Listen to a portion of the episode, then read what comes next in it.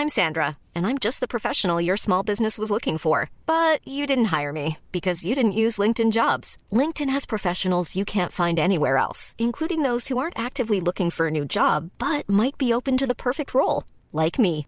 In a given month, over 70% of LinkedIn users don't visit other leading job sites. So if you're not looking on LinkedIn, you'll miss out on great candidates like Sandra. Start hiring professionals like a professional. Post your free job on linkedin.com/people today. Hey, it's Danny Pellegrino from Everything Iconic. Ready to upgrade your style game without blowing your budget? Check out Quince. They've got all the good stuff, shirts and polos, activewear and fine leather goods, all at 50 to 80% less than other high-end brands. And the best part? They're all about safe, ethical and responsible manufacturing. Get that luxury vibe without the luxury price tag. Hit up quince.com slash upgrade for free shipping and 365 day returns on your next order. That's quince.com slash upgrade. Du hører på Tut og Mediekjør, podkasten for deg som er nysgjerrig på hvordan journalistikken blir til i våre 223 aviser på nett og papir, og i radionyhetene og på TV. Jeg heter Christian Lydemar Strander, og denne uken så lurer jeg på Når et TV-program gir meg tips og råd om hvordan jeg skal bruke pengene mine, og tipsene kommer fra en ekspert som jobber i Norges største bank, er det da reklame for banken, eller er det god forbrukerjournalistikk mot meg? Det lurer jeg på. Er det bare tut og kjør i medienes redaksjoner, eller ligger det flere vurderinger bak journalistikken som du leser hver eneste dag? Og for å finne ut av det, så har jeg selvfølgelig som alltid med meg Eva Sandum. Hei. Hei. Du, eh, du er jo kommunikasjonsrådgiver eh, og har 14 år i PFU. Må vi ta det igjen, ja? Nei da, vi trenger, nå skal vi stoppe der. Ja. Men det, betyr at du er jo veldig opptatt av regler og hvordan ting Altså Vær varsom-plakaten. Ja. Var du også sånn da i klasserommet? Jeg var nok litt sånn eh, på første rad eh, med eplet til frøken, kanskje. Eller jeg var i hvert fall flink. Flink, pikke. Ja, det var du. Ja. Ja. Jeg vet ikke om jeg var så ille når jeg var uh, liten, sånn sett, men jeg, jeg tror kanskje jeg var litt sånn når jeg satt i Pressens faglige utvalg, faktisk. For eh, der er det jo litt sånn at det, det fins regler i Vær varsom-plakaten som jeg kunne bli litt sånn veldig prinsipiell på. Spesielt når jeg merka at redaktører svarte sånn Ja, men dette her er jo sånn det er i pressen. Dette gjør vi hele tiden. Og jeg opplevde at ja, det hjelper jo ikke det når Vær varsom-plakaten sier sånn og sånn, og jeg er satt i dette utvalget for å, for å liksom forholde meg til den som et regelverk. Da Det- får dere gjøre noe med reglene. Sånn ble jeg da. Det hun sier nå, er at hun eh, har irritert vettet av redaktører i 14 år i Pressens faglige utvalg eh, ved å påpeke at eh, hei, det er noen regler her. Eh, de, dere følger det ikke. Og, det, og det, det, dette er også grunnen til at det ikke ble 15 år. Kanskje. Svein Tore eh, Bergestuen, velkommen til deg også. Tusen takk. Du er jo en person som også er kommunikasjonsrådgiver, eh, forfatter, journalist skal jeg ikke si lenger. Du er jo veldig flink til å formulere deg. Nå skal du få skryte litt først. Tusen takk. Eh, og du er jo også veldig flink til å på en måte utgreie og utlede eh, om temaer, og du virker jo veldig overbevisende. Var du også sånn på fest som 18-åring? Var du han som satt på kjøkkenet der, og alle gradvis forsvant bort fra? Fordi alle ville danse, egentlig? Altså, i, igjen, altså, enormt ledende spørsmål. Vi må eh, i neste episode snakke om hvordan du stiller spørsmål. Ikke begynn å Men eh, for å svare på dette ledende spørsmålet Jeg tror problemet mitt var at jeg også hadde mange hatter den gangen. Altså Jeg hadde mange roller. Jeg var jo elevrådsformann, selvfølgelig. Eh, og så var jeg jo eh, veldig opptatt av at folk skulle følge reglene, spesielt de reglene jeg var med på å lage. Eh, som elevrådsformann, for vi lagde regler for hvordan vi skulle forholde oss. Så, så vi hadde vært et godt team den gangen. Hvis du Ja da, jeg var litt inne i sånne eh, verv og sånn, jeg òg innimellom. Og her er vi nå. Tut og mediekjør. Veldig bra. Skal vi gå på første sak? Det gjør vi. Og det er jo en, eh, Vi har blitt tipset fra en av, eh, en av dere som hører på. Tusen takk. Eh, Dere, en, dere har sendt inn til tut at lydeproduksjoner.no. Og eh, tipset oss om eh, da denne saken om eh, NRK-dokumentaren 'Hvem er Silje?' Som altså er en NRK-journalist, kommer i privat i kontakt med Silje, som hun da heter, på Tinder. Og de sender hverandre intime bilder, journalisten og Silje. Og så merker journalisten at noe er galt. Og så bestemmer hun seg for at jeg vil lage en nettsak for å finne ut hvem Silje egentlig er. Og så viser det seg at Silje er en mann som eh, bare er ute etter å få intime bilder av denne journalisten. Og har også da eh, fått og lurt flere andre kvinner til å sende intime bilder. Men hvorfor tar vi opp denne saken? Ikke sant? Og det er jo nettopp det. I etterkant av denne saken så har det kokt på sosiale medier, og jeg har vært her inne. eh, og det er, det, er, det er stygt. Altså, det spekuleres jo i hvem som er Silje, ikke sant? Hvordan skal pressen forholde seg til at eh, alle vi som leser en sånn sak, straks begynner å lete og begynner å spre rykter på Jodel, eh, og, på, og lurer og, og gnager og grafser på hvem er Silje? Hvordan skal pressen forholde seg til det, Eva? Altså, jeg mener i utgangspunktet at det ikke er pressens ansvar hvis de har anonymisert tilstrekkelig etter Ja. presseetiske regler. Og gjelder, hvilke regler gjelder der på anonymisering? Nei, altså dette diskuterte vi jo også i en tidligere Ja. episode. sant? Det er, ikke, det er vanskelig å si noe helt konkret, for det, må, det varierer fra sak til sak, og hvor, stort behov det er for å annonsere. Men her er det jo sånn at det, um, For det første så var det riktig å anonymisere den faktiske eh, mannen bak. Altså det var ikke noe grunn til å identifisere og henge ut han i det hele tatt. Men det andre er jo eh, Når de anonymiserer han, hvem andre er det da som, som har liksom de samme kjennetegnene som gjør at eh, de blir mistenkeliggjort? Når folk begynner å lure, da. Hvem er dette, hvem er dette? Og i Vær varsom-plakaten så står det jo at det kan faktisk være en grunn til å identifisere. Hvis anonymiseringen i seg selv kaster eh, mistanke uberettiget på andre. I saken så står det jo Vi får vite hvor gammel Silje er, da. At han bor i Oslo, er aktiv i metoo-bevegelsen. eh, Eller støtter den, da. Støtter den. Ja. Og flere roller i norsk kulturliv. Og så er det flere eh, åpne kilder i saken som også gjør det mulig å knytte denne personen til dem. og sånn, ikke sant? Så det er flere ting her som gjør at det er mulig å, å leke litt privatdetektiv. da. Så da er diskusjonen Er det sånn, som kritikerne hevder, at dette bare kan dreie seg om noen få personer, altså en håndfull personer? Eh, Jodel-diskusjoner tyder på at de har konsentrert seg om en fem-seks navngitte menn som henges ut der. Ja. Fordi da, da har de gått for langt. Eh, Dagbladet har jo allerede lagd en sak med en av disse mennene som er navngitt på, på Jodel, hvor, eh, som sier at dette var forferdelig ubehagelig. Å være en navngitt i et sånt, eh, et sånt sosialt medium hvor han får tekstmelding 'Går det bra med deg?' liksom. Går det bra med meg? Og så skjønner han at han er en av disse mennene da, som kanskje Silje er. Og det og sånn, sånn det, vil man, det vil man alltid ha spekulasjoner rundt. Men eh, NRK kan ha gått for langt da, i å identifisere. Men hva mener du da, Svein Tore? Jeg, eh, jeg, jeg mener jo som vanlig at, eh, at det er både og her, da. Jeg mener at antageligvis så burde de vært enda mer skjerpa på, på, på tegnene. Eh, Jeg mener at saken er god. Jeg mener at de burde lage denne saken. Jeg mener det er et stort samfunnsproblem som det belyser. Og jeg mener at vi må være mer eh, åpne for ulike fortellerteknikker, ulike former for journalistikk. Jeg liker gonzo-journalistikk når det blir bra.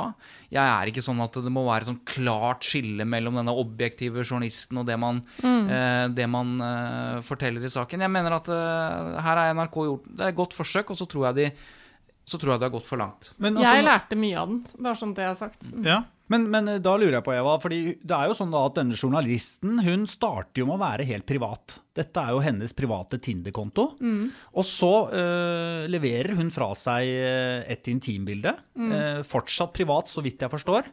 Uh, og så skjønner hun på en måte at her er det noe galt med kommunikasjonen med, med Silje. Og så bestemmer hun seg for nå skal jeg lage en sak. Og Ja. så tar hun jo på seg journalisthatten. Ja. Men det, opp, det sier hun ikke noe om til Silje. Nei, det kan du Er si. det, er det greit? Ja, det kan du si. At ja, ikke sant. Eh, Så sånn sett så forstår jeg hva de mener, de som, eh, de som eh, påstår at hun da har brukt samme metode som catfisheren selv, Ja. nemlig gå undercover. For hun har ikke gått undercover for å finne denne personen og så lage en artikkel om det, men det har blitt til sånn som det du sier, ja. Uh, og jeg, altså, jeg mener at det er greit. Altså, min, min oppfatning av journalister sånn generelt, det er at de alltid er journalister når en sak dukker opp. Og det vil si at eh, hvis du sitter på foreldremøte som journalist, og det skjer noe eh, noe rart, som har journalistisk interesse, da, så tar du fram eh, mobilen og begynner å ta bilder og, og liksom tenker at dette her må jeg rapportere om. Sånn tror jeg de fleste journalister opptrer. Og sånn sett så, så tenker jeg at dette, dette, er akkurat sånn. Det var ikke noe hensikt i utgangspunktet. Jeg tror det var sånn at denne personen var på Tinder og, og liksom ja, var ute etter å finne en flørt, rett og slett. Og så, og så, ble det noe litt annet. Og det syns jeg personlig er helt greit, så lenge det er en god sak og den er av samfunnsmessig betydning osv. Og, så og det er jo dette.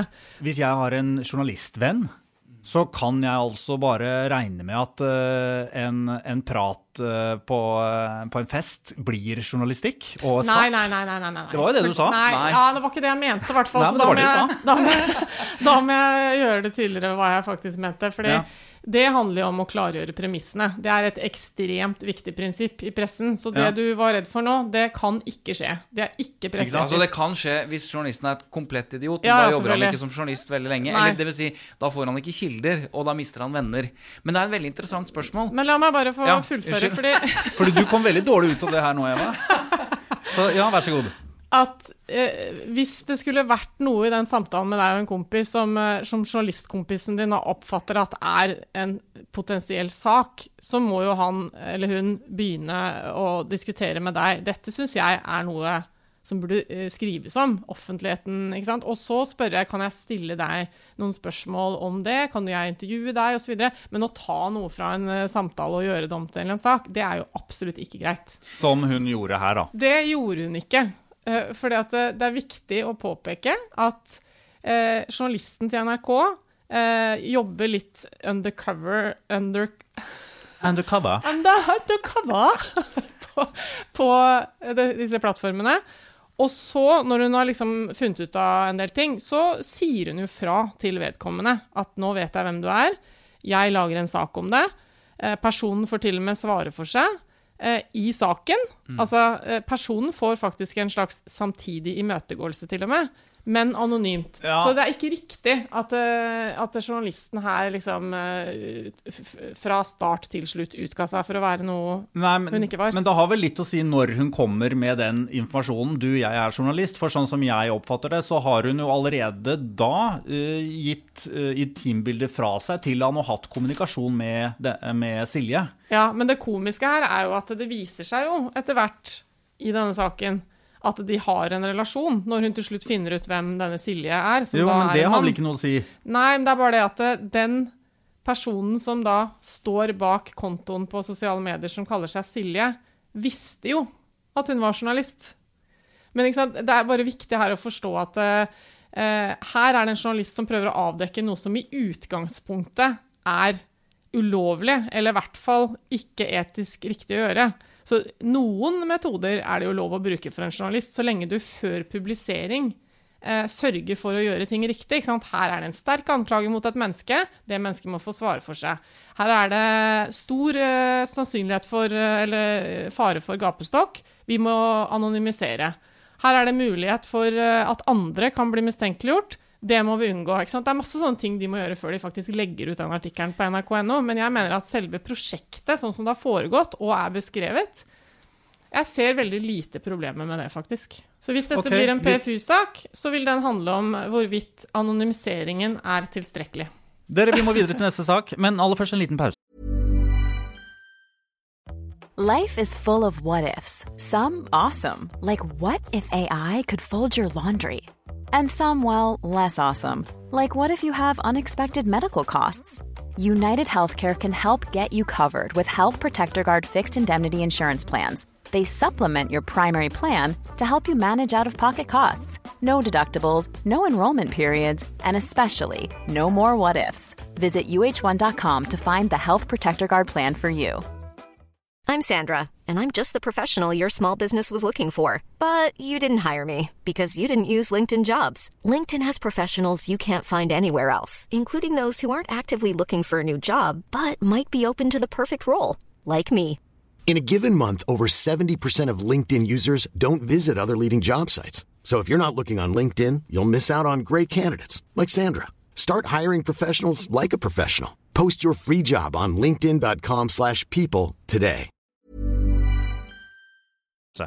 Du hører på Tut og Mediekjør sammen med Eva Sandum? Hvorfor lo du sånn? Nei, jeg syns det er ubehagelig å si mitt eget navn. Eh, altså, det er fint. Eh, og Svein Tore Bergstuen. Da sa Kan, jeg- kan ikke jeg få lov til å si mitt eget navn? For Nei. jeg syns jo det tvert imot er veldig spennende. Du liker jo det veldig godt. Det glemte jeg faktisk. Ja. Ja, si det kjapt, da. Vær så god. Svein Tore Bergestuen. Veldig fint. Sak to, dere. Som handler om Men du, vent, ekspert... vent, litt, vent litt før vi går til sak to. Ja. Ehm, bare som et lite apropos, husker dere første episode da vi snakket om sperrefrist? Den premiereepisoden. Ja, Vi Ja. snakket om at eh, journalister og redaktører er ikke så glad i sperrefrist. Altså, de får Her kan du få informasjon, men du må vente til klokka tre med å trykke det. Ja. Ja. Og da sa vi de er de ikke så eh, kine på. Og nå har vi fått beviset på det, for akkurat nå, når vi spiller inn denne episoden, så får vi jo vite at Tangen-saken er avklart. Han har fått en avtale som eh, ny sjef for oljefondet. Og da sendte Norges Bank ut en melding om at journalistene kunne få tilgang til denne avtalen, eller informasjon om dette, en halv time før pressekonferansen klokka tolv. Hvordan vet du at de gjorde det? Jo, det er nå kommet fram, da. Ah, ja, sånn, ja. Så, Så du leser, eh, du leser Hva er det du leser, da? Ja, da leser jeg bransjemedier som er Ja. for journalister og medier osv. Poenget er Norges Bank sier dere kan få dette en halvtime før, men det er, det er sperrefrist på det. Og da sier VG nei, det kan vi ikke forholde oss til. Dette er en sak som har så stor offentlig interesse at vi kan ikke pålegge en eller annen form for sperrefrist. At verden går under hvis vi venter en halvtime. Nei, men det er, noe, det jo, men det er noe prinsipielt ved det. Skal vi sitte på Ja dette som nyhetsredaksjon? Det kan vi ikke. Så de melder tilbake. Nei, det, er, det blir ikke aktuelt. Og da trekker jo DNB hele det opplegget. Da er det ingen som får denne informasjonen. DNB? Sa jeg DNB? Ja. Jeg mente Norges Bank. Noen Ja. For, det, er litt ul, det er ikke helt det samme. Jeg er enig i det. Eh, nei, Så da blir det jo ikke noe informasjon på forhånd. Eh, og det er bare et eksempel på at, eh, at det er ikke interessant for journalister å få sperrefrist. Sperrefristen er død. Ja, Det tror jeg vi nå i kan hvert si. fall at- helt uinteressant for en redaksjon som VG, som har som strategisk mål å være først med alt. Sånn, det var ikke meningen å avbryte. Kjør videre. Ja, men Da har vi kommet til sak to, da. Eller sak tre blir jo dette, for dette var, ble jo en sak. Nå ringte hun igjen. Oi, nå ringte hun igjen. Hvem er det som ringer, Eva? Nei, Det er hun fra God morgen Norge TV 2 som vi har prøvd å få tak i fordi vi skal snakke om eh, eksperter. Er det ikke det vi skal Jo, nå? Det er det vi skal nå, men da må du snakke med henne først. Ja, Da. da gjør jeg det.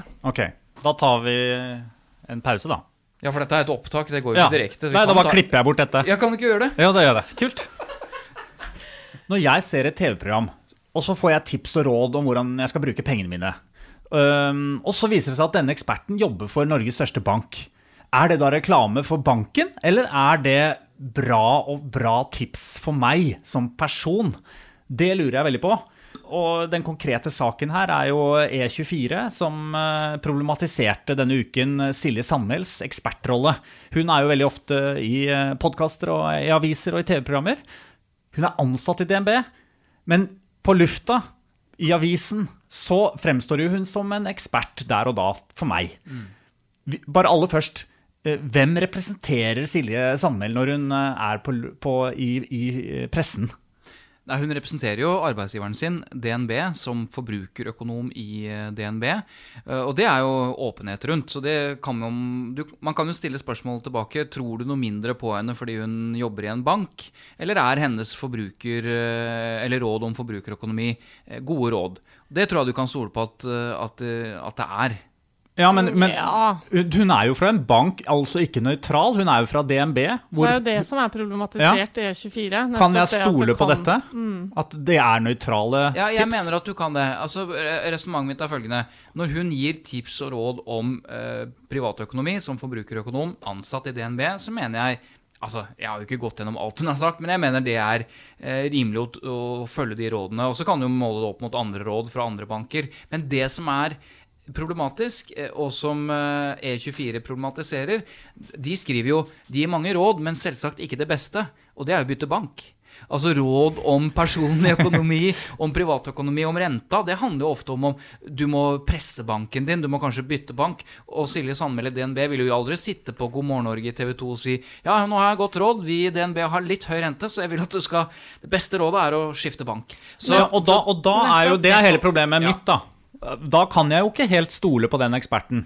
Nei, altså, det er jo nettopp det som er poenget, at det er jo ikke en uavhengig ekspert. Nei.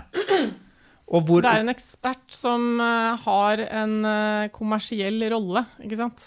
Ja. Så det er jo en underliggende interesse pga. at hun jobber i en bank, om å fremme den banken. Og, og hvordan skal, skal eh, Du ser så på Svein Tore nå, hva er det du tenkte på? Nei, jeg vet ikke, jeg bare må plassere blikket et sted. Ja, ja, ok. Ja.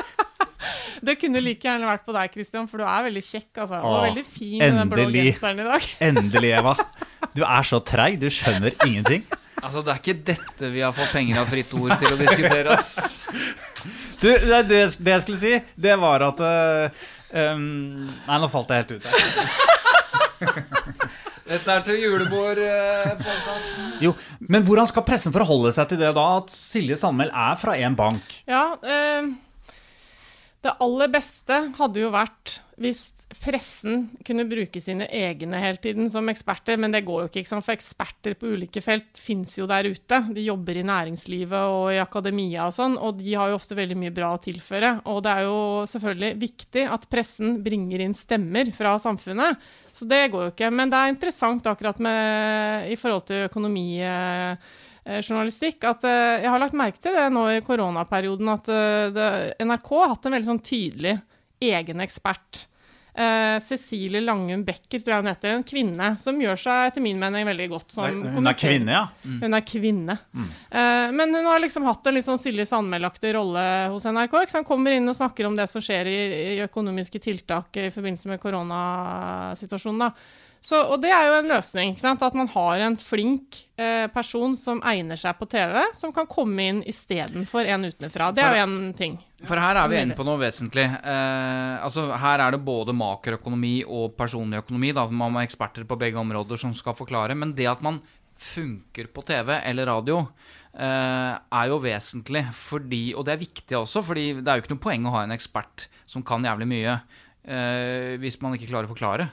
Hvis man ikke er pedagogisk, hvis man ikke er eh, og, og, og derfor brukes jo ofte de samme ekspertene igjen og igjen. Fordi de klarer å, å, fortelle og forklare på en, på en god forbrukervennlig måte. Da. Så det er jo eh, det er også kan bli en sovepute da, hos mediene, at de hele tiden bruker de samme. eh, Både de som representerer liksom, virksomheter, som har selvfølgelig da en, en rolle der, og, og kanskje, som dere er inne på, ikke har Altså, all informasjonen er ikke helt uhildet, da. Det er litt mer problematisk når det er eh, kommersielle eksperter, ikke sant? Som Ja. har en egeninteresse. Det er jo det.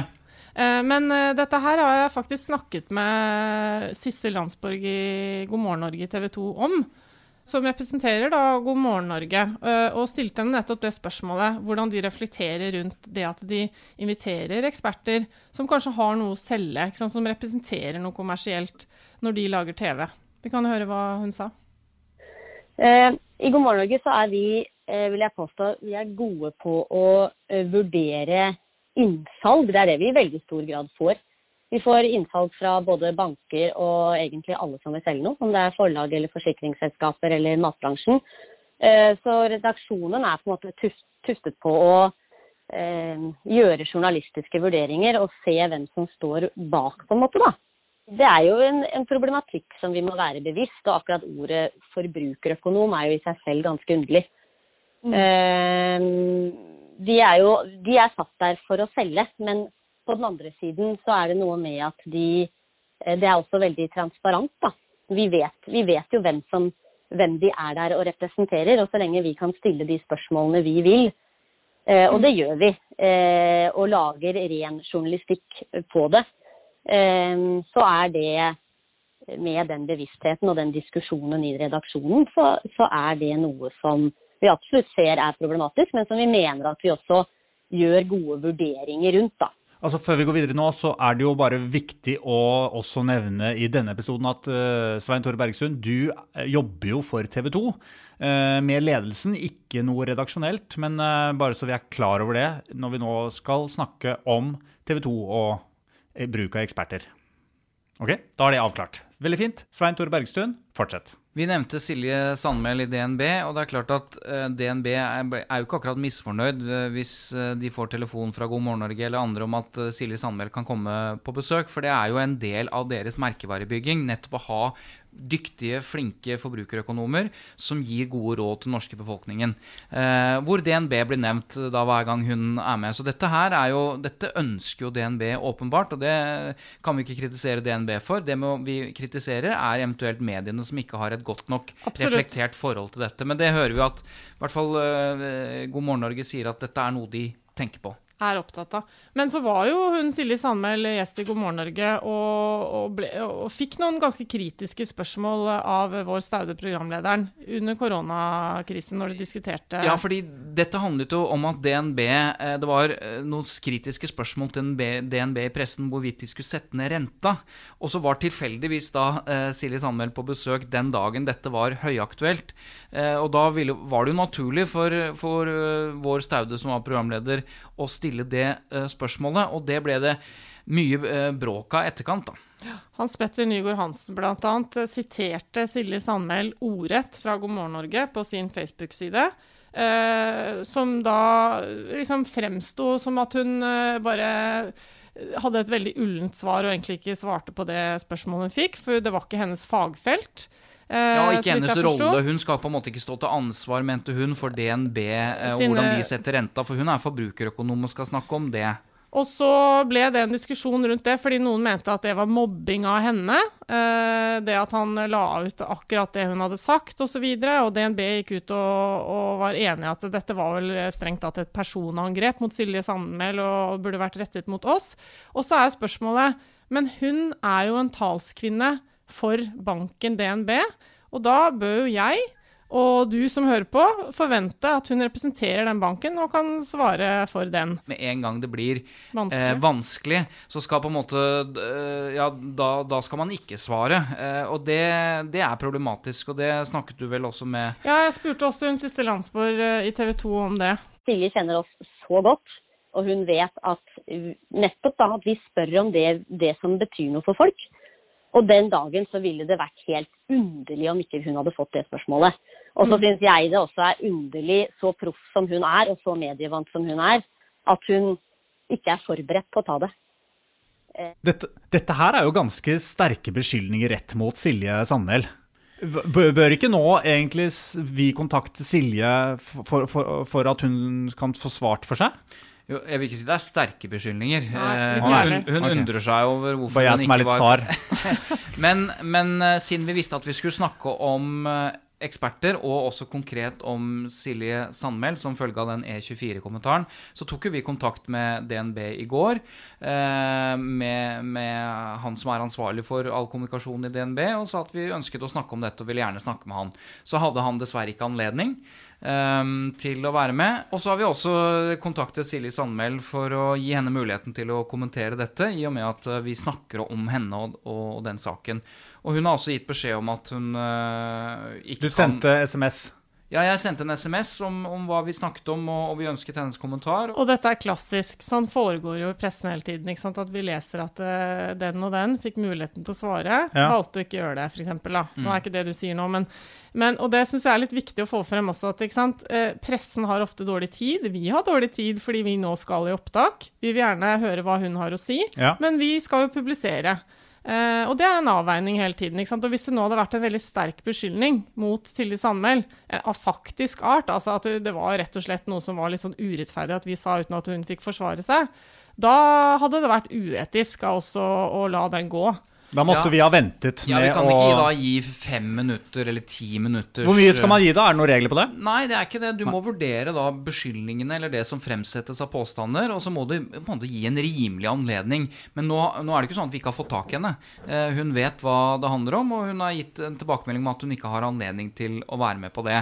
Så da har vi gjort det vi, det ja. vi skal. Og dette blir en sånn metadiskusjon. For først så snakket vi nå om, om forbruker, nei, forbrukerøkonomeksperter og medienes bruk av eksperter eksperter. Og så havner vi igjen da en presseetisk diskusjon.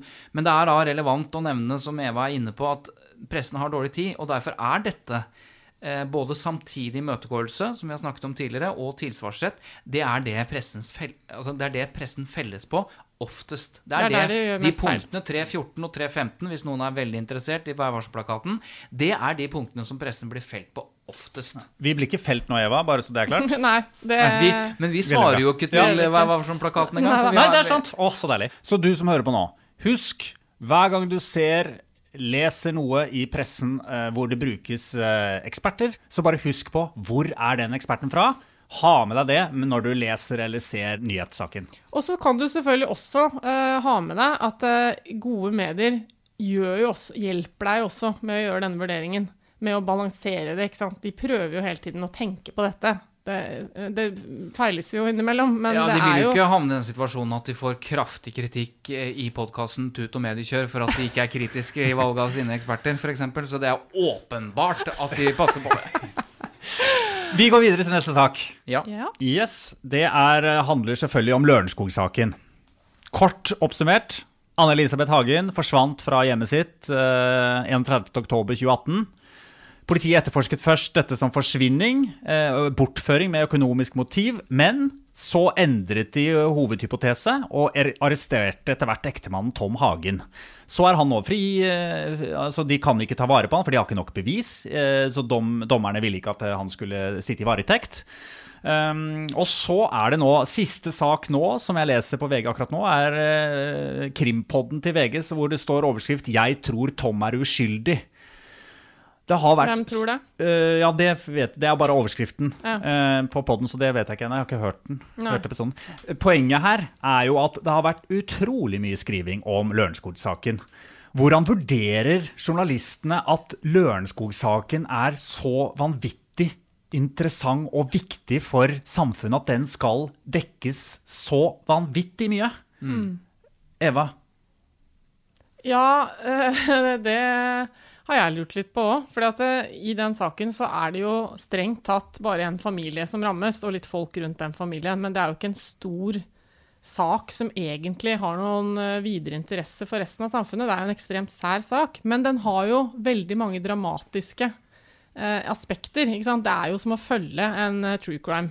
Ja. Eh, Men det som er spesielt, eh, sånn satt opp mot true crime, som har blitt veldig populært det siste, er jo at dette er en sånn live true crime. Og så dekkes saken minutt for minutt, nærmest. I hvert fall av VG, da, som har, så vidt jeg har skjønt, to fulltidsarbeidende journalister på dette. Lager podkast og masse nyhetsartikler og sånn. Og det er jo bra, det, for så vidt. Men man kan jo lure på, liksom eh, altså, Driver de da en sideetterforskning? Ved siden, Ved siden av av politiet? politiet, ja. Og er det deres jobb? Mitt svar på det, eh, min gut-feeling på det, er det er det jo ikke. Men det som er deres jobb, er jo å sørge for at politiet gjør jobben sin. Så sånn sett så kan jo noen sånne ting være riktig, at vi følger med, her er det noe som ikke har Men, eh, men jeg, jeg kjenner at jeg får litt sånn dårlig smak i munnen når det er så mye dekning av en sånn sak. Fordi det bare oppleves som for grafsete. Det er, det er null personvern inni dette her. Jeg ser jo stadig vekk renner inn overskrifter Um, fra alle mulige nettaviser om denne SMS-en har du ikke sett, denne sendte hun til han, dette skjedde, hun ringte de og de kvelden før og sånn. Jeg leser ikke alt engang, for det kjenner jeg at jeg bare altså, Er dette noe jeg trenger å Men utgangspunktet ditt er viktig. og Vi har, vi har også fått eh, en lytterhenvendelse på akkurat dette her, som stiller spørsmål ved liksom, hva, er, hva er det som gjør at de fleste store mediene bruker massive ressurser på å rapportere om denne saken, som du nevner, eh, hvor det handler veldig mye om å være først med det politiet og eventuelt forsvarere ønsker å formidle, da. mens de samme mediene kanskje bruker mindre ressurser på saker som er mye mer vesentlig. Men hvem Dere- skal avgjøre det? Jo, det må jo redaksjonen avgjøre. Men poenget er, du brukte ordet interesse. Er den interessant? Den er kjempeinteressant, den er spennende osv. Men hvor vesentlig er den? Ikke sant? Ja. Fordi at eh, en sak som har, eh, som har versert de siste ukene, Equinor-skandalen som Dagens Næringsliv eh, skrev om, ekstremt viktig sak. Altså det, det handler om våre felles verdier, det handler om hvordan selskapet som er eid av staten, deleid av staten, opererer. Altså Det er så viktig, og det er så stort. Men den er jo ikke så forbanna spennende når alt kommer til alt. Så spørsmålet er, ikke sant eh, mens Hagen-saken eh, berører de aller færreste, bortsett fra, som Eva sier, sånn rent emosjonelt, eh, så berører han jo oss, men, men en familie. Mens andre samfunns viktige samfunnsfenomener da, eh, er kjempemye viktigere. Og da kunne man jo tenkt sånn Burde ikke mediene være mye mer opptatt av å sette mye mer ressurser inn på de sakene som én er viktigere, to berører oss alle Nav-skandalen, f.eks., er jo en, en Eller sånn type kanskje sak. den Manshaus-saken. Ja, for dette har også vært diskutert i det siste. Der har du to kriminalsaker, eller to strafferettssaker. Den ene er en, liksom et mulig partnerdrap eller en bortføring eller en forsvinning. Den andre handler om en, om en eh, norsk eh, mann som eh, med sin høyreekstreme tankegods, som jo spiller tilbake igjen på forferdelig terroraksjon til, til Anders Behring Breivik. Dette er et, et, et, et, potensielt kjempestort samfunnsproblem som berører oss alle, ikke bare emosjonelt, men også rent faktisk.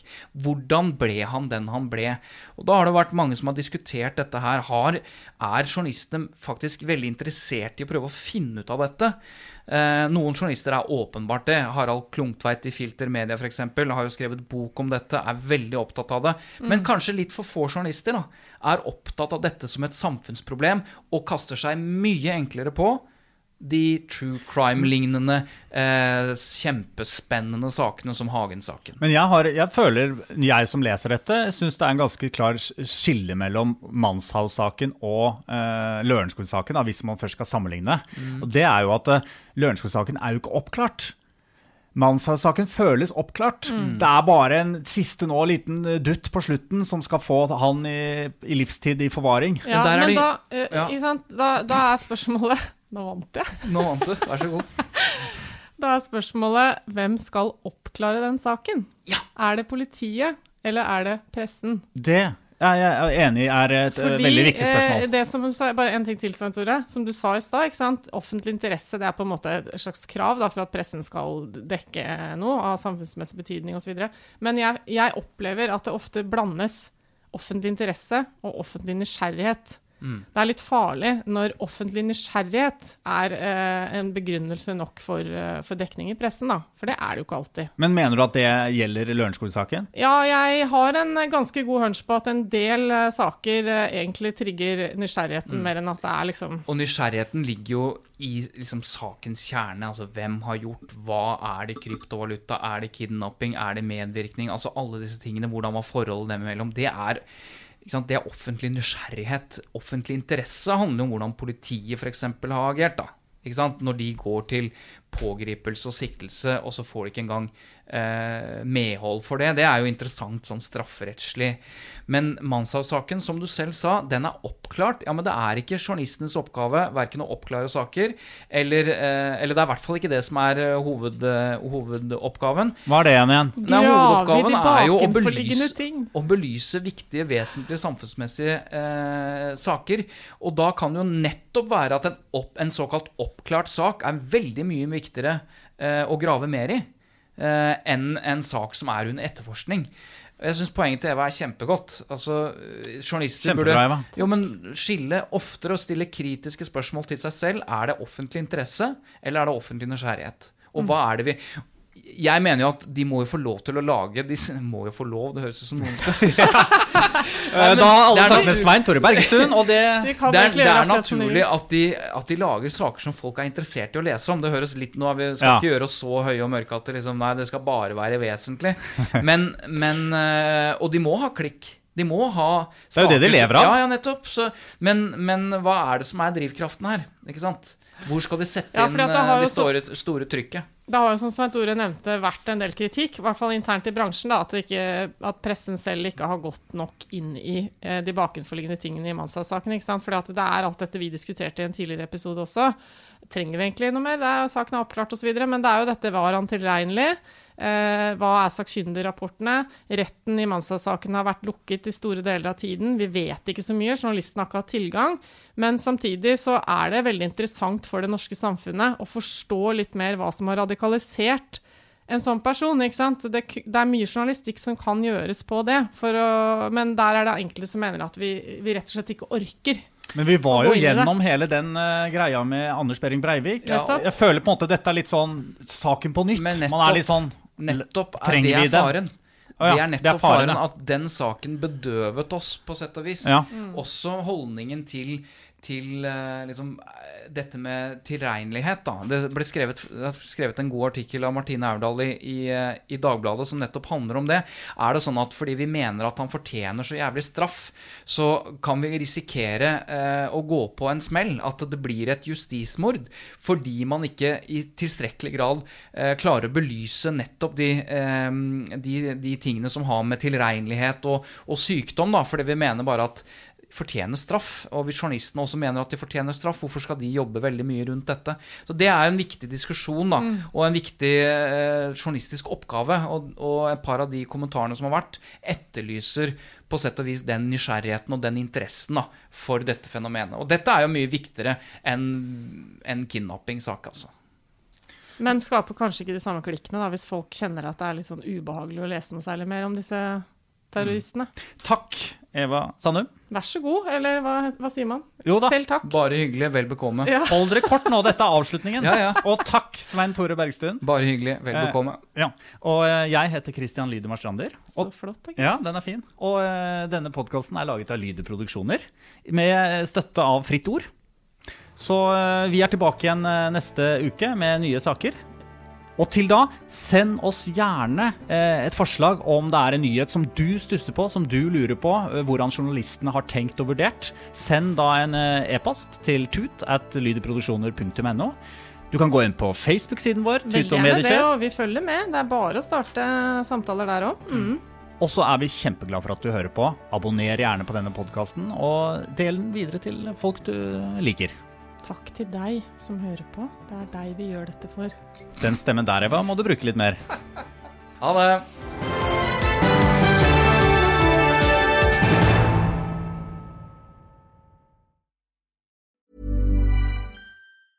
Selling a little or a lot? Shopify helps you do your thing however you cha-ching. Shopify is the global commerce platform that helps you sell at every stage of your business. From the launch your online shop stage to the first real life store stage, all the way to the did we just hit a million orders stage. Shopify is there to help you grow. Shopify helps you turn browsers into buyers with the internet's best converting checkout. 36% better on average compared to other leading commerce platforms because businesses that grow grow with Shopify. Get a $1 per month trial period at shopify.com/work. shopify.com/work. Even on a budget, quality is non-negotiable. That's why Quince is the place to score high-end essentials at 50 to 80% less than similar brands. Get your hands on buttery soft cashmere sweaters from just 60 bucks, Italian leather jackets, and so much more. And the best part about Quince, they exclusively partner with factories committed to safe, ethical and responsible manufacturing. Elevate your style without the elevated price tag with Quince. Go to quince.com/upgrade for free shipping and 365-day returns.